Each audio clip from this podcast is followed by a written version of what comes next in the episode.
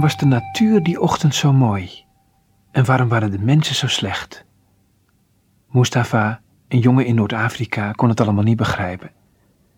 De baas waarvoor hij gewerkt had, had hem maar de helft gegeven van wat hij eigenlijk had moeten verdienen. En bovendien was op het strand zijn jas gestolen. Zijn laatste hoop was nu gevestigd op de toeristen die met de boot uit Gibraltar kwamen. Wanneer die rijke mensen aanbood om hen de stad te laten zien, dan was er een aardig centje te verdienen. Helaas had Mustafa nooit zoveel succes bij de toeristen. Hij was te mager en zijn donkere ogen stonden te droevig. Bovendien was hij, doordat hij in de stille bergen was opgegroeid, altijd wat onzeker in grote mensenmassa's. Toeristen wilden liever niet herinnerd worden aan armoede en honger. Ze kwamen er voor hun plezier en zagen dus liever amusante, jolige en zelfverzekerde jongens. Toch wist hij wel eens iemand aan de haak te slaan. En die dag liep hij af op een jonge dame in een korte broek met een camera en verrekijker om haar nek. Ze kwam kennelijk een dagje rondkijken en maakte een onzekere indruk. Het was niet zo slim van haar om daar alleen te komen, want zo was ze een gemakkelijke prooi.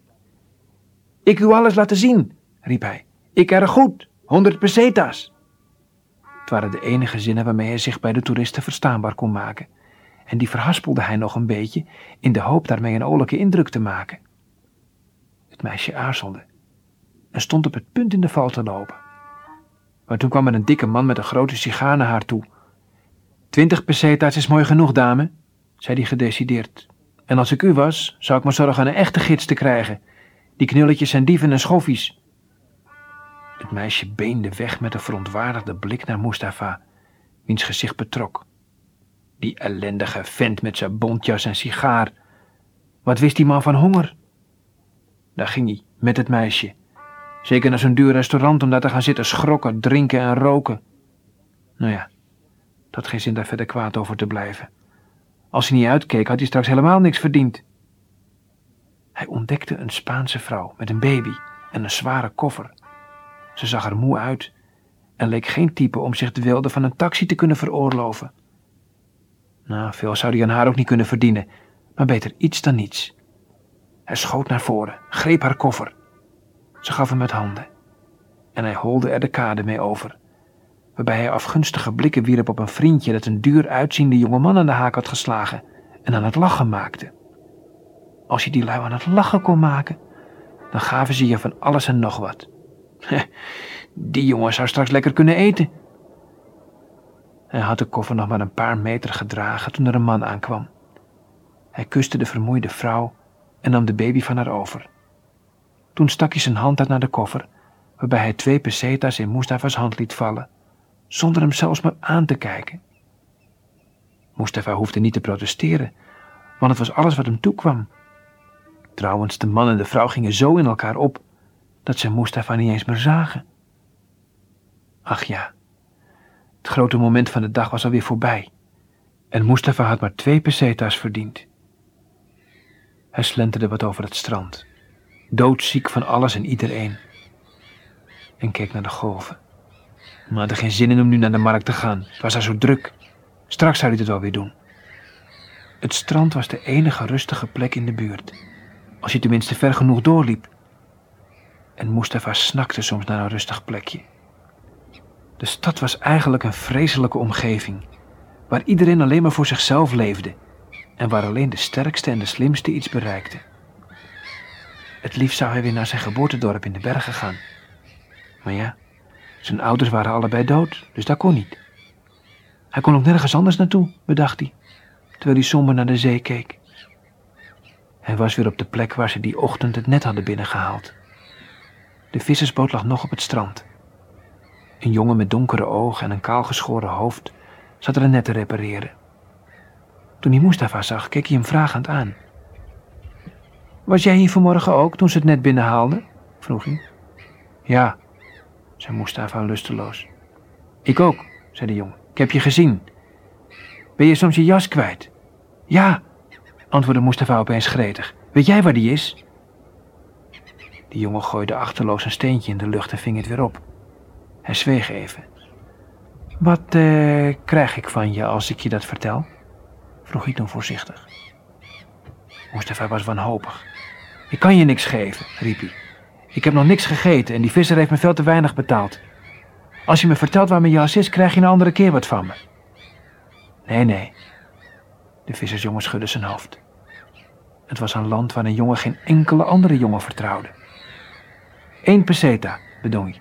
Dan zal ik je het huis wijzen. De man die jouw jas heeft gestolen is nu aan het vissen en komt pas over een paar dagen weer thuis. Alleen zijn vrouw is nu in huis. Je kunt die jas dus zo ophalen. Ik woon naast die lui en ik heb gezien dat hij je jas meenam. Rustig, zonder op te kijken, ging hij verder met zijn werk. Hij was niet te vermurwen, zodat Mustafa tenslotte maar een peseta op het zand naast hem liet vallen. Toen pakte de jongen zijn net op. Kom maar mee, zei hij. Ze liepen vlug over het strand en staken de spoorlijn en een weg over, tot ze bij de zoutpannen waren. Dat waren ondiepe waterbekkens die bij elke vloed volliepen met zeewater. Als het water door de hete zomerzon verdampte, bleef er een laagje zout achter. Maar winters bleven de pannen natuurlijk vol. Daar is het, zei de jongen zachtjes. Hij knikte in de richting van de kleinste hut. Aju, hè, en God helpen je. Hij liep naar zijn eigen hut en Mustafa keek hem aarzelend na. Hij was een beetje bang. Maar toen werd hij weer kwaad. Hij stevende op de deur van de hut af. In een poging eruit te zien als een man stak hij zijn borstkast naar voren. Bleef even stil. Toen zei een zwakke stem: Kom binnen. Het was een kale kamer en het was er vrij donker. In de ene hoek lag een hoop visspullen en een ezelsveulen, en in de andere hoek lag een jonge vrouw op een stroommat. Ze drukte een pot warme as tegen zich aan en kreunde zachtjes. Naast haar zat een buurvrouw, en aan hun voeten lag een kleine gedaante rusteloos te woelen onder Mustafa's jas. Ha, die jongen had dus niet gelogen. Dit was het hol van de dieven. Hij had ze betrapt. Hij zou zijn jas gewoon pakken en met de politie dreigen tot ze om genade smeekte. Mustafa was helemaal niet van plan om zo'n dreigement ook ten uitvoer te brengen, want hij liep altijd met een grote boog om politieagenten heen, omdat hij daar niks mee te maken wilde hebben. Maar het klonk vast wel goed om ermee te dreigen. Waar is die vent die mijn jas heeft gegapt? schreeuwde hij bars. En hij probeerde zijn stem zwaarder te laten klinken. Geef die maar eens gauw terug en betaal me maar eens gauw een schadevergoeding, anders stuur ik jullie de politie op jullie dak. Gehoord? De jonge vrouw draaide vermoeid haar hoofd om. Het leek wel of ze aan iets heel anders dacht. Mustafa merkte wel dat hij bijzonder weinig indruk had gemaakt en dat zijn stem dwaas en goedkoop had geklonken. Ja, zijn gedreig sloeg ook nergens op, want de vermoeide moeder en het zieke kind hadden nog de energie, nog de moed om hem iets in de weg te leggen als ze dat hadden willen doen. Alleen het ezelsveulen leek te schrikken. Het kroop helemaal in de hoek. En dat vond Mustafa vervelend want hij was zelf opgegroeid met een ezeltje. Pak hem maar, zei de jonge vrouw, terwijl ze haar hoofd even optilde en naar het woelende figuurtje wees. Mijn man is erop uit met de boot. Hij komt pas morgenavond thuis en er is op het ogenblik geen geld in huis. Ze ging weer met haar gezicht naar de muur liggen en sloot haar ogen. Er bleef hem dus niks anders over dan de jas te pakken. Een schamele overwinning. Hij trok zijn jas met een ruk van het kind, dat rillend begon te huilen alsof het wakker was geschrokken uit een vervelende droom. Zelfs Mustafa kon zien dat het kind erg ziek was. De oude buurvrouw kwam moeizaam overeind, met krakende gewrichten, en droeg het koortsige kind naar de moeder om het onder de katoenen lap te leggen die over de jonge vrouw lag, zodat het in haar armen tenminste wat warm zou blijven. Niemand zei iets. Tja, er bleef hem niks anders over dan te vertrekken. Toen hij met de jas over zijn arm de hut uitliep, trok er een donkere wolk voor de zon, waardoor er donkere schaduwen op de zee vielen. Hij liep weer terug over het strand, helemaal wee van de honger. Bovendien voelde hij zich diep ongelukkig. Anders voelde hij zich nooit op zo'n manier ongelukkig als hij iemand te slim af was geweest. Dan was hij altijd blij. En was iemand hem te slim af, nou, dan was hij niet blij.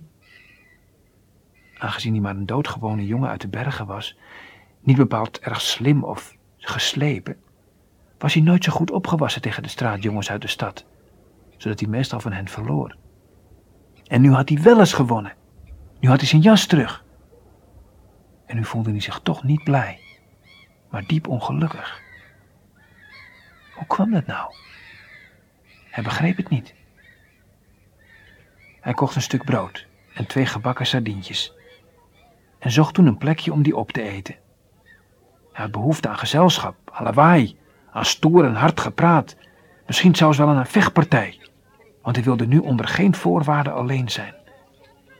Hij wilde die stille hut, de geur van visspullen en de vrouw met het witte gezicht en het zieke kind het liefst zo snel mogelijk vergeten. En daarom sloot hij zich aan bij een groepje schoenpoetsers en qua jongens dat rondhing op het trottoir bij de bushalte. En daar op de stoep begon hij zijn maaltijd met smaak naar binnen te werken.